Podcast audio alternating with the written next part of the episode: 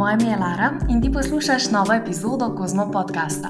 Navdihujoče izpovedi uspešnih slovenk, ki jih gostim v seriji s sloganom Sama svoja šefinja, so namenjene ravno tebi, Kozmo dekle. Na svete znanih slovenk lahko poslušaš, ko v svojem divjem ritmu plešeš skozi življenje in iščeš navdih, kako uresničiti svoje sanje. Zagotavljam ti, da bodo njihova razmišljanja o uspehu prebudila šefinjo v tebi. V 13. epizodi gostim Ano Klašnja, baletno plesalko, televizijsko osebnost, ki smo jo lahko spremljali v šovih Slovenija ima talent, vplivnico in mamico. Hej, Ana, vesela sem, da smo se ujeli in za začetek nam povej, kako ponavadi um, in pa kdaj začenjaš svoje dneve. Uh, Živijo, Lara, najprej bi pozdravila vse poslušalke in poslušalce, pa uh, rekla bi ti hvala za ta klip uvod. Vprašanje pa je, kako jaz začenjam dneve. Uh, ja, ponavadi moje dneve začenja kar moj mali fantek, ki je zdaj dopolnil šest let in smo šli v mhm. bistvu ta mesec prvič v šolo. Tako da se mal navajamo zdaj na ta nek drugačen ritem. Uh, tudi za me je to bolj zgodnje vstajanje, ker ponavadi začenjam s treningi šele ob desetih zjutraj in sem bila vedno navajena kasneje vstajati zdaj pa pač se mora tudi mamica zbuditi in iti v šolo. Ne. Kako pa potem nadaljuješ svoje dni, kako izgleda recimo tvoj vsak dan?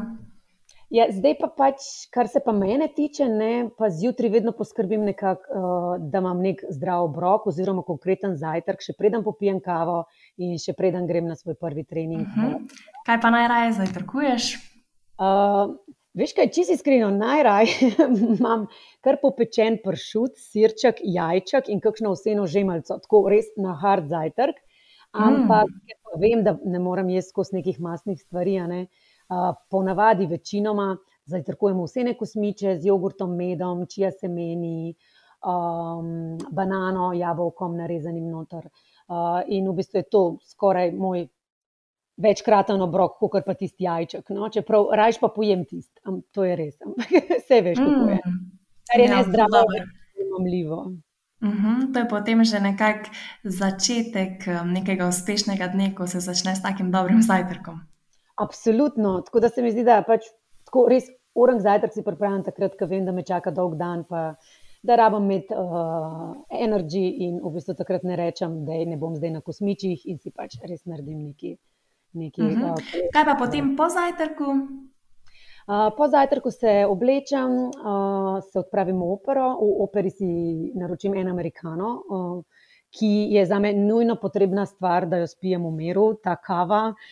pač, uh, zasvojena sem s tistimi svojimi desetimi minutami uh, kofetkanja in pač obožujem ta trenutek v dnevu. Um, potem grem počasi v garderobo, se preoblečem, gremo v baletno dvorano, malo grem že sama, potem pa se začne kondicijski trening in po kondicijskem treningu vaja za predstave. Uh -huh. Koliko časa pa potem uh, treniraš dnevno? Joj, draga moja, mi ful treniram. mi imamo v bistvu že kondicijski trening, pač vsak dan eno uro pa 15, um, 15 minut pauze. Pa se pa začnejo vaje, dve ure, recimo, vaje z ansamblom, pa potem še popoldne, kakšna ura ali dve solistične vaje, ali pa pač samo popoldne, recimo dve do tri ure, včasih tudi štiri ure solističnih vaj. Pol, če so predstave zvečer, moramo iti že ob petih popoldne prideti zaradi make-upa, frizur, uh, vseh teh priprav, pač, ki so potrebne za predstavo. Tako da v bistvu je kar, kar celodnevni job. No? Mislim, uh -huh. ni mhm. enostavno, kar zahteva celega človeka in um, je veliko -huh. odrekanja v takem poklicu. Ja. In potem zvečer, kaj pa recimo vsebuje tvoja večerna rutina?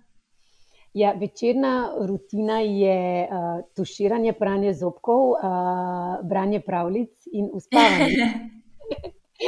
Potem pa z veseljem pogledam še kakšno serijo, mogoče tudi kdaj kaj preberem. Um, um, ne vem, spijem tudi kozarc vina ali pa kakšno pivo um, in grem spat. Serija Sama svoja šefinja slavi uspešne ženske. In ker si ti ena izmed njih, ti želim zdaj v vodniku zastaviti še vprašanje, ki ga postavimo vsaki gosti. Kljub temu, da je uspeh nekako zelo relativen in da nam vsak gleda iz drugačnega vidika, me zanima, kaj za te pomeni biti uspešna. Hm, zanimivo vprašanje. Um, v bistvu uspeh si vedno nekako predstavljamo, da bom pa uspešna, bom pa srečna. Uh mhm. -huh. Ampak nujno, da je uspeh sreča. Ne? Uspeh uh -huh. je doseg nekega cilja, uh, ampak uh, meni se zdi, da v bistvu, če zraven ne pride sreča, je popolnoma nepomemben in popolnoma ne zadovolji človeka. Um, tako da, ja. Kaj pa je želela postati mala Ana? Si si že od nekdaj nekako želela postati balerina, ali je to potem nekako se kasneje ta želja? Pa je v bistvu res lep odgovor, zaradi tega, ker ja, mala Ana si želela postati točno to, kar je postala. Aha, wow, lepo. Želela biti um, balerina. Občudovala sem baletke, njihove kostume, to, da živijo v pravljicah. Mislim, sicer dejansko baletno življenje še zdaleč ni pravljica, ampak vseeno. Um, je zanimiva pot, je lepa pot, uh, tudi težka, um, ampak ja, je nekaj posebenega, no? imam posebno Aha. življenje. Wow, čudovito. Tako da zdaj bi lahko rekla, da živiš svoje sanje. ja, nekako tako. Sicer veš, uh, v sanjah te nič noge ne bolijo, v sanjah nimaš nobene poškodbe, v sanjah te noben ne zavrne, mislim, vsaj v tistih otroških sanjah o, mm -hmm. o mhm. tem, kako boš velik. Ne. Ja, um, ja. Da, ja, kot sem že rekla, res, res ni lahka pot. In recimo, če bi imela punčko, ne vem, če bi jo ful suportirala, da postane profesionalna baletna plesalka. Definitivno -huh. ne pleše, ne se ukvarja s plesom, s baletom tudi, ampak mogoče ne, da je to glih njeno celotno življenje. No? Uh -huh. res, res, je, res je težek poklic. Ja. Verjetno mi res vidimo samo tisti blišč, ja. ki je ja. na odrih, na predstavah, um, res ja. lep, urejen make-up, oblačila, lepa ja. glasba, lep ples um, ampak res tistega truda in vsega pa ne vidimo, kar je marsikdaj, recimo pri uspehu tako. Ja, ja ker lahko si uspešen, pa nekdo vidi samo, wow, ona je pa tako uspešna, ona mora biti tako srečna in zadovoljna. V bistvu pa, da si, imaš ti ta uspeh, da si tam, da dosežeš to, je toliko ene borbe, um, toliko ene žalosti, tudi uh, toliko ene, enih skrbi. Um, ne druženja s prijatelji, ne druženja s starši, z družino, um, ja, pač, ne vem, hujšanja, odrekanja hrani, um, ne vem, pač veliko, veliko stvari, da prideš tja gora. Uh -huh. In eno, da se to vedno uh, osrečuje. Ja. Kdaj pa si ti začela s treniranjem baleta? Um, jaz sem v bistvu začela pri petih, šestih letih uh, z gimnastiko in potem devetih, desetih nekaj takega uh, z baletom. Uh -huh. Uh -huh. In si že potem, čisto na začetku, že navdušena nad baletom? Ja, veš, kako je se mi zdi. Mislim, mama me je vprašala, ko sem nehala gimnastiko trenirati, ali bi šla zdaj v glasbeno šolo ali bi balet, in pač ni bilo dvoma, seveda, balet. No, takrat me je pol mama vozila na baletne predstave opero in mislim, meni je bilo to božansko, meni je bilo to tako lepo. In ja. jaz sem si to želela, ampak ko začneš dejansko to trenirati, je sam trening daleč od tega, kar ti vidiš na odru. Trening je mhm. zelo monoton, dolgočasen, tako se ti zdi, da itak nikamor ne priješ, da ni nobene spremembe. Da, vem, enkrat na leto imaš neko predstavo, tako da tudi ni nobenega izziva na začetku. Um, ampak pol pa, pol pa dosegaš cilje, dobivaš pohvale uh, in nekako ti je to motivacija in te žene naprej. Ne vem, tudi konkurenca, recimo, konkurenca je zelo, zelo zdrava, tudi konkurenca te žene naprej, tekmovanje. In, ja, in potem sem vedno bolj bila noter in vedno bolj sem si to želela. No? Zdaj me pa zanima, kako potekajo priprave na tvoje baletne predstave. Um, Máš mogoče tudi kakšne mentalne priprave, ali pa da imaš kakšno tako prakso, meditacijo, ki jo uporabljaš pred predstavami, ali je v bistvu nekako to, večinoma nekako so fizične priprave, to, da vadite, um, da imate kondicijske treninge. Kako je s tem? Fizičnih priprav je zelo veliko. To so nešteto in nešteto ponovitev. Tudi pred samo predstavo ponavljamo celo predstavo, vsak dan skozi. Uh -huh. um, mislim, ful velikrat pol, sploh ne najdeš več motivacije, da bi, da bi šel celo predstavo skozi. Ampak, ja, ko, nekak, ko se dvigne zastor, pa so ljudje v dvorani, je druga zgodba. Kar se pa tiče um, psihične priprave, mislim, v bistvu same. Ja, um, je pa v bistvu pri nas zelo slabo za to poskrbljeno. Um, se mi zdi, da bi mogoče mogli imeti tudi kakšnega športnega psihologa ali pa koga, ki bi se lahko plesalci z njim tudi pogovorili, zaradi tega, ker je tudi velik psihičen pritisk. Ne? Odplesati neko predstavo, sploh ne vem, če imaš težko vlogo, če si res vodilna vloga in v bistvu je ogromna odgovornost, da ti nosiš celo predstavo. Um, ne vem, ful velikrat sam sebi ne zaupaš, ful velikrat dvomaš v svoje zmožnosti. Pač nekoga, nekega psihologa, da bi te usmeril, kaj narediti v takih trenutkih, recimo, ko ni tvoj dan, ko, ko ne vem. Ko si drugač slabe volje, pa vse na odru, mož biti pa dobre volje. Pa, ne vem, a veš, recimo to pogrešam že celo kariero, nekoga tako ob strani. Tako da pač si probamo pomagati med sabo, plesalci, Um, ja, probam tudi sama imeti kakšen ritual, probam se pogovoriti vem, z mamo, mogoče s kakšnim um, človekom izven baleta, ki mogoče drugače gleda na to, pa mi reče, da je samo balet. Veš, čeprav za me valjda je to življenje, ne? ampak v že fazi je samo balet, nihče ne bo umrl, če bo kaj narobe. Um, in, ja, in potem imam neke določene rituale, um, cel dan, v bistvu, če vam zvečer predstavljam, mi gre dejansko cel dan. Um, uh -huh nekako tudi odrejeno imam, kako jem, da ne jem glih zadnji moment pred predstavo, ampak še vedno da jem čez cel dan, nekako do ene, treh, štirih popovdne, zato da imam moč in energijo. Um, ja, nekako sem v enem takem svojem mehurčku, veš, pred predstavo. uh -huh, uh -huh. Super, ja. Recimo, meni se zdi, da ples ponavadi ne jemljemo kot nek resen šport. Mislim, jaz ga jemljem, ampak marsikdo si ne predstavlja to kot šport in tudi se mi zdi, da zaradi tega pri tem um, športu nekako še vedno niso tako ti športni psihologi prisotni, kot recimo so pri katerih drugih. Ampak se mi zdi, da je tudi zelo pomembno, da bi bili. Um, in ja, zelo dobro, da sama nekako poskus, poskušaš se. Um, nekako sama s sabo pogovoriti in da si v tem mehurčku in da imaš neke svoje rituale in prakse, kot si rekel. Ja, nekako si najdeš način, kako najlažje handlaš, veš, to tremo pred predstavami. Ker uh mhm. -huh. pač lej, jaz po 20 letih karijere imam še vedno, pa mislim, da se uh -huh. nikoli ne bi. Ja. Jaz se prazničnega decembra vedno spominjam tudi po tem, da vedno gremo na eno predstavo, uh da si ogledamo balet. Um, in me zanima, ali so mogoče v decembru te predstave še bolj pogoste, imaš ti še več dela, še več vadiš, ali je za tebe decembr prazničen? Ne, nikoli. Jaz sem v operi in to vsako leto, in to že 20 let. Tega, ker decembra imamo vedno hrstača, včasih imamo poleg hrstača še kakšne druge predstave, ker pač decembra ljudje hodijo v gledališče. Ja praznike, takrat, ko se vsi veselijo, takrat mi največ delamo. Ja. Nekako sem na to že navajena, ful velikrat delamo tudi za novo leto, tudi za božič. To je pa to, uh -huh. to je pa mhm. pač um, gledališko življenje. Ne? Ja. Uh mhm. -huh. To, res, to je nekako način življenja, verjetno tako kot recimo, ko si zdravnik, eh, lahko recimo, ko greš na neko pot, pričakuješ, da te bodo kje porabili, če se bo karkoli zalomilo, tako tudi pač recimo baletnik, pa celo življenje, v bistvu recimo tudi, ko je december, pa ko je praznični december, veliko um, pleše in trenira in osrečuje ja, druge. Imamo te najlepše predstave, so vedno te neke božične. To. In to je vedno razprodano. Mislim, ljudje so razpoloženi za, za gledališče v tem mesecu. Ne. Podarjajo se jim stopnice za, za božič ali pa kakorkoli, peljajo celo družino v gledališče.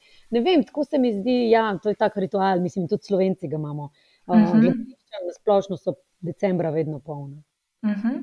Na mogoče lahko zdaj zaupaš, kaj je pa najbolj čarod, čarobnega, ko si na odru, ko recimo zaključiš predstavo, ali pa kdaj ti je najboljše to na začetku, na sredini, na koncu, ko je že konec. Mogoče kaj je res tisto najbolj čarobno, po tvojem mnenju. Veš, kdaj je najbolj čarobno? Najbolj čarobno je v bistvu takrat, ko, ko ne plešem za mojega nadrejenega, ko ne plešem za koreografa predstave, ko ne plešem zato, da bojo moji sodelavci rekli, wow, kako je bila danes dobra, ampak dejansko, ko plešem iz te svoje ljubezni do baleta, do umetnosti in do tega, da prepričam uh, gledalca in da mu polepšam večer. Takrat, ko se ne ukvarjam, uh -huh. ko se ne ukvarjam z drugimi ljudmi okoli sebe, ampak dejansko samo umetnostjo. Ja, verjetno je za vse nas. Um verjetno so za vse nas taki trenutki, ko nekako um, smo tukaj in zdaj za sebe, in ko nekaj delamo, kar zares uživamo, in nekih, iz nekih čistih namenov, smo takrat tudi najbolj srečni. Točno tako je. Uh -huh. Bi lahko rekla, da ti je bila neka vloga najbolj pri srcu, oziroma katera vloga bi to bila, katera baletna predstava ti je bila najbolj pri srcu, oziroma ti je? Um, plesala sem že skoraj vse klasične balete, uh, tudi zelo veliko sodobnih. Um, mislim, repertoar je kar dolg, ampak nekako bi izpostavila uh, mogoče Hrstača, ki je bil moja prva vloga. Glavna, uh mhm. -huh že ko sem bila stara 20 let in v bistvu še zdaj ga plešem. In, ja. uh, in je pač čudovita predstava, čudovita pravljica. Uh, res težka vloga, ampak nekako nekak jo imam za svojo, za mojo prvo in uh, ja, bo zavedno z mano. Ampak ja. bi pa definitivno rekla, da najbrž je to Romen Julija. Uh, uh -huh. Če bi spirala med predstavami. Um, zaradi tega, ker ima zgodbo, ima dramo, ima vsebino, ima vsa čustva, uh, vso paleto vseh čustev. Um, in um, ja, ne vem, ta predstava mi je bila nekako tako najbolj pri srcu. Vedno sem jokala na odru, uh, vedno sem se popolnoma uživela. Mislim, tako res imam lepe spomine na to predstavo. Wow, super. Ja. V bistvu gre baletnik tudi eh, ne samo skozi fizične napore, ampak tudi nekako, ko si rekla, da se tudi čustveno zelo uživiš v samo igro in vse to. Ja, to se mi zdi, da lahko z lahkoto rečem, da je to najtežji šport ali pa najtežja umetnost. Ja, zato, ja, se strinjam. Mhm. Ker si sperfekcionizirali, kako se reče, sperfekcionizirali baletno ja. umetnost do take mere, da je res dejansko vrhunski šport. Um, zraven pa mora ostajati umetnost, ker pač to je njen prvotni namen. Uh -huh. Uh -huh. Uh, bila si pa tudi sodnica v šovu Slovenija ima talent in me ja. zanima, če se ti je kakšen dogodek iz te oddaje še posebej vtisnil v srce, oziroma če se je kakšna posebna anekdota zgodila tekom tega šova. Joj, draga moja, jaz sem v bistvu šest sezon že um, sodnica, oziroma ja. že Slovenija ima talent. In teh teh anegdot in teh stvari, ki jih imam jaz v srcu in v bistvu lepih spominov, uh, je full velik. Zato, ker sam šel, že producenti poskrbijo, da, da poka vse po čustvih, od ja, čustev, yeah, yeah. sous in sreče in žalosti in vsega. In potem pa tudi v bistvu tekmovalci, mi imamo, mi imamo za resne tekmovalce, ne? Mislim, mi imamo prave ljudi, to so v bistvu prava čustva. In, uh mhm. -huh ta šov je v bistvu edini, kjer, kjer ni nič naštiman, kjer ni nič. Noč ne moreš pričakovati, ne veš, kaj se bo zgodilo dejansko, ker so pač to ljudje in ne veš, kako bodo odreagirali. In ja, ful, velikrat mi je bilo ful hudo za koga, ampak še večkrat pa moram priznati, da sem bila tako srečna, ker sem videla to, to kako, kako so se jim uresničile sanje, kako, kako niso mogli verjeti, da dejansko vem, stojijo tam gor, da lahko pojejo, plešejo pred celo Slovenijo da ne vem, uh -huh. so tako oblečeni, kot so. Um, ne vem, kakšna stvar se mogoče nekomu zdi samo umevna, nekomu drugemu pa uresničitev sanj. Mm, ja. ja, tam dejansko so bili nekateri tako hvaležni, da, da ne vem, da je le, vse je vredno. Mislim, meni je res ta vdaja mi je to dala ravno zaradi teh, teh trenutkov, um, ko vidiš to hvaležnost ljudi. Ja, ja. Uh mhm. -huh. Ti si bila vedno nekako malo pristranska do plesalcev, ali se je samo en tako zdelo? Vedno jih je bilo manj, in pol po eni strani bi jih tako z veseljem kritizirala, ampak jih nisem smela, tega, ker če sem jih jaz preveč pokritizirala, pa so jih še vsi ostali, in potem jih na koncu ni bilo več noč. Tako da sem jih mogla vedno šparati. Ja, ampak sem bila pa presenečena, da so marsikdaj tudi plesalci zmagali, tudi na zadnje, če se ne motim, je plesalka oziroma gimnastičarka, ali kako bi se lahko reklo. Tudi pred zadnje je zmagala poldenserka. Ja, um, točno, točno. Uh mhm. -huh. Takrat je zmagal Jrnej, um, hip-hopper, mislim, da pa ene štiri sezone nazaj. Tako da, ja, ja sem uspela prepričati slovence, da, da je tudi ples. Uh, Lahko enako dober, ali pa še boljši, kot petje. Ja, točno tako. Nekako na petje, uh -huh tisto prvo žogo, ko začutijo emocije, takoj, ko je pač nek, nek lep komat. Ja. Uh, ja, ratal, ratal nam je, mislim, meni in vsem plesalcem, ki so sodelovali, uh, prepričati slovence, da je vredno glasovati tudi za plesalce. Ja. Res je.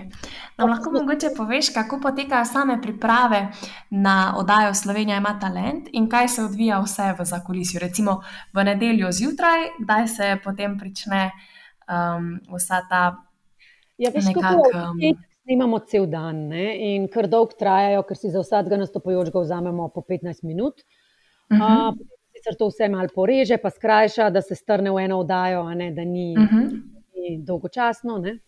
Mm, ampak potem oddaje v živo so pa tako, da jaz pa marjetka prideva že kar okrog pol štirih, štirih popovdne, ker je to full priprav, ne. pa frizura, pa make-up. Pa potem gremo malo čez, kaj nas čaka, kateri nastopajoči so, pa kaj bo ta voditelja, ki je ušpičila. Pa tako, pa, pa imamo še kakšnih deset minut pauze pred oddajo v živo, pa povedno nas še kakšen pop in pohopsa za kakšno izjavo. Začne. Ne? In um, moram reči, da čisto vsakeč, ko je bila oddaja v živo, mi tako razbija srce. Tiste prve besede, ki jih bom povedala, ki si misliš, zdaj sem pa v živo, ne? zdaj pa me ne more noben porezati, neumnosti. Ne? In, ja, in je to tudi kar precejšen adrenalin, vedno znova v bistvu. Uh -huh, uh -huh. Mm, in tudi, recimo, tisti komentarji, ki jih dajete, to ni nič vnaprej pripravljeno, je to čisto um, nekako ne, v tistem ni. momentu, ali mogoče že malo naprej veste, kaj. Ne, nič ne vemo, v bistvu ravno to je čar te oddaje, zaradi tega, ker tle je čisto vse um, v trenutku. Mi vidimo točko, vidimo točko pred oddajo v živo. Um, in mi vidimo točko takrat, ko jo vidijo gledalci, in podamo svoje mnenje. Pač ti se moraš v tistih dveh minutah, ko gledaš točko, spomniti oziroma doživeti in začutiti nastopajočega in potem pač podati svoje mnenje. Tako da je to kar, ker tudi mnenje ne more biti samo, o, to je bilo pa ful lepo ali pa o. To pa ni bilo tako lepo. Ja, se, zato sem vprašala, ker se mi zdi, da imate vedno toliko neke dobre komentarje. Um, in sem mislila, da mogoče pač je to že malo naprej, karkoli, nekako vsaj malo pripravljeno, ampak ful dobro, res da. Mislim, seveda vsak posameznik, vsaj jasno, se vedno usedem, že ne vem, ob štirih, ko pridem v frizuro, pa pregledam, kateri so nastopajoči, pa mal pogledam za nazaj, kaj so že pel oziroma plesali, kaj so nam že pokazali, pa kaj smo takrat rekli, recimo. Uh, da se proba malo spomniti um, ljudi, da tudi vem, kakšni so njihovi cilji, zakaj so se prijavili na Slovenijo Talent. In potem pač probam nekako tudi iz tega, kar sem se spomnila o njih za nazaj, ne? nekako komentar potegniti. Ne? Pa pač mhm. mogoče primerjati s prejšnjim nastopom. Nekako tako. No? Super, fuldober. Ti si vedno imela take čustvene komentarje in tudi uh, se da. Če pa se ne, se te spominjam tako in ja, res tu zdaj, ko se s tabo pogovarjam, čutim, da si tako to je fulepo. Nado je recimo pač tudi ful čustven, ampak pač Brankova Marjetka pa nista glih nek vrh. ja, ja, ja. Vse vsi smo si drugačni um, in to je tudi prav, ampak zelo lepo je, ja, da znaš tudi čustva deliti z drugimi. Mhm. Zdaj me pa zanima še, kako ohranjaš tako vitalen videz. Na Instagram um, objavah lahko vidimo, da res skrbiš za svojo postavo in za um, zdrav, mladosten izgled. Um, in me zanima, če imaš mogoče kak recept ali pa skrivnost, ki bi jo delila z nami. Hm. Um, pa se v bistvu ni skrivnosti, v bistvu to je moja služba. Ne? Mm, nekako dokler bom, dokler bom ohranjala ta videz, ne bom izgledala mladostno, bom lahko plesala, tudi moje telo, če je v formi, lažje plešam, ne, um, več kondicije imam. Tako da nekako imam srečo, da je moj poklic v bistvu vzdrževanje tega, da vem, imam čvrsto zadnico in raven trebuh, kako bi ti rekla. Miram, da, da nekak, ja, je moja služba odgovorna za to. Um, delala v pisarni, pa tudi jaz ne vem, veš, draga moja, če bi se za dve ure spravila v fitness ali pa ne vem, hoditi na šmarko. Tako da, yeah. Ja. rečem dekletom, ženskam, je, da ne si najdejo neko svojo rutino, ne si najdejo za športati nekaj, kar, kar jih res veseli. Ne se ne silijo v fitness centre, če jim to ne paše. Ne, ne vem, ne si najdejo nek ples, pilates, ne grejo s kolegico na šmarno goro. Um, uh -huh. Ko smo se dogovarjali za tale podcast, si rekla, da si bila tudi na fitnessu enkrat vmes. Pa me zanima, um, kak, kakšna je razlika med plesom in pa recimo fitnessom, ker jaz ponavadi, ko sem v fitnessu, me je to čist nekakšna druga vrsta vadbe, hm. kot pa kot ko plešem, ker recimo pri plesu se mi zdi, da se res ta ženstvenost prebudi in vse to um, v fitnessu me je pa kar mal narav včasih. Ja, mislim, zdi se mi, da v fitnessu res konkretno uh, lahko razdeliš, kje mišice boš učvrstil, ojačal in jih res na hiter način tudi ojačaš, zaradi tega, ker imaš dodajaš še uteži. Uh -huh. mm, v bistvu v fitnessu lahko delaš obe vrsti vadbe, a ne pri plesu pa nekako. Ne, težko je, ne pri pilatesu, ja, ampak čim pa ti plešaš, pa ne ponavljaš toliko istih gibov, ali pa delaš recimo na desno stran več kot na levo, ni tako enakomerno, vse en, po moje, prej dobiš mišično maso na nekem fitnesu, ne? um, ampak je pa ples, po moje, veliko večje zadovoljstvo. Ja, ja. Jaz bi predlagala vsem kozmo dekletom, da mogoče. To jesen poskusijo um, nov ples, ali pa da se upišejo na kakšen plesni tečaj, tako da uh mhm. -huh. malo prebudijo to ženskost. Ja, absolutno. Uhum. Tvoj urnik je, kot smo zdaj že ugotovili, zelo natrpan. Pa me zanima, kateri del v dnevu pa nameniš potem sprostitvi in kako se najraje sprostiš. Jo, žal je takih trenutkov in takih dnevov ful premalo. In, uh, zelo velikrat sem bila že dosti blizu burnouta, um, da nisem več vedela, kaj narediti. Da sem tudi začela odpovedovati uh, vse dodatne stvari, poleg moje službe um, vse in stvari na Instagramu, in vse dogodke, in vsa snemanja, srte, ker sem pač čutila, da ne bom zdržala fizično. Um, sploh se mi zdi, da po rojstvu malega, ker pač dve leti nekako ni spal, um, sem se kar dolgo sestavljala. No? Ne vem, če sem se sploh že, mislim, najbrž sem se, no? ampak tako dolg časa sem imela ta proces, da sem se nekako fizično nazaj sestavljala. Zraven sem ful delala še, ja, in sem bila ful velikrat blizu tega, da, da, ja, da izgorim preprosto. Tako da to je treba ful paziti. Zdaj si pravimo vseeno vzeti kakšne dneve za sebe, pa, um, pa se sprostiti, pa iti na sprehod ali pa ne vem, preprosto doma ležati na kavču, pa početi nič. Ja, torej, verjetno je najboljša sprostitev to, da počneš ja. nič in je to v tistem momentu še najbolj produktivno. Jo je, da je v bistvu nam, ki smo navajeni skozi nekaj hiteti in skozi nekaj delati, to težko, ne? početi ja. nič, nekaj najtežjega v življenju. Mhm. Točno tako. Delati. Aha, sam še to bom naredila. Če ne drugega, pa imam feeling, joj, pa moram ne vem, kako objavo narediti na Instagramu, ker že dolg nisem. tako da se ti vedno nekaj dogaja. Ja, in se v bistvu probujem zdaj, a veš, ko sem starejša, malo miriti, pa si rečeš, iskreno, kamor se ti ne mudi, ali nič ne bo šlo. Um, a veš, nekaj že noretne. Mhm. Ker je potem tudi lažje nekako uživati v trenutku. Uhum. Za na konec pa smo na kozmo uredništvu zate pripravili še par kratkih vprašanj, na katere odgovori tisto, kar ti najprej pade na pamet. Oj, Kakšen je tvoj plan za to jesen?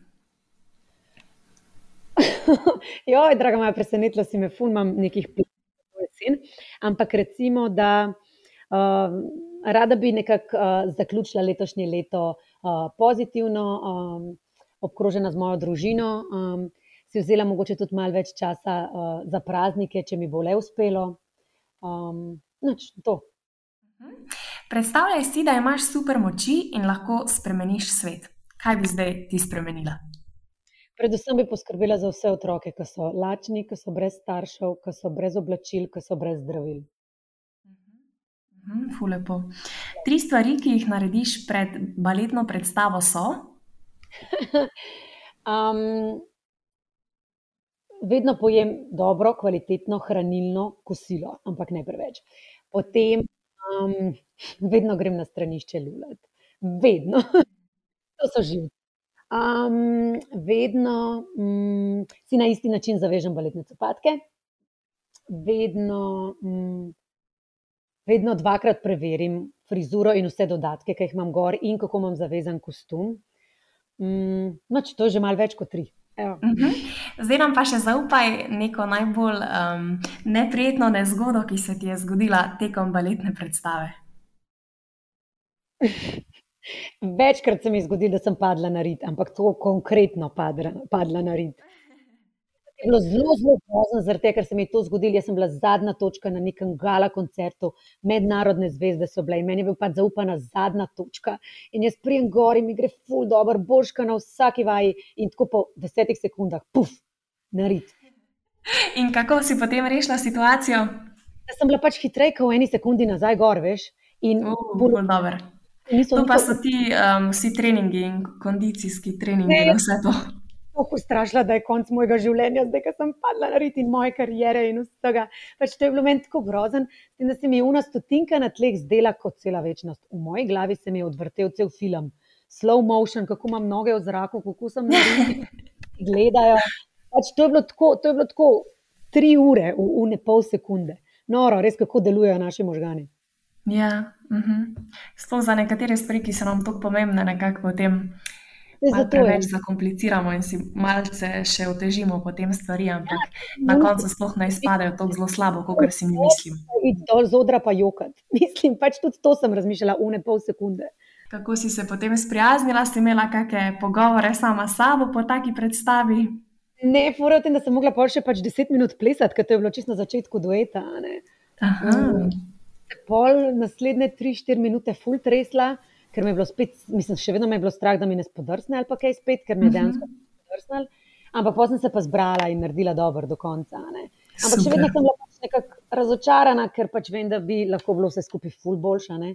Če mi ne bi spodrsnil, pa ne bi padla, ampak le, vsi smo samo ljudje in uh -huh. vsak se lahko zgodi.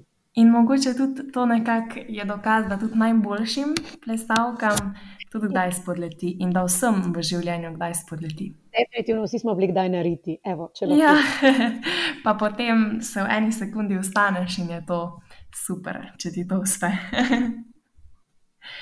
in zdaj še zadnje vprašanje. Kakšen pa je tvoj moto?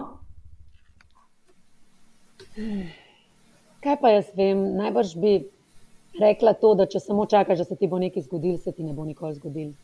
Um, in verjeti moraš, da, da si sposoben doseči to, kar si želiš, in ko boš verjel, si na več kot pol poti. In, um, in, ja, in mislim, da ti bo lahko uspelo. To je to, mhm. verjetno. In da potem za to verjetno tudi delaš nekako. Uh mhm, -huh, absolutno, seveda. Super. Super. Ana, najlepša hvala za vse te tvoje navdihujoče zgodbe in pa na svete. Res si bila super gostja in hvala, ker si si vzela čas za tale podcast. Um, hvala tudi vam, drage poslušalke, ki ste si zavrteli tole epizodo in upam, da ste um, tudi vi našli kakšen svet ali pa kakšno motivacijsko misel. Adijo!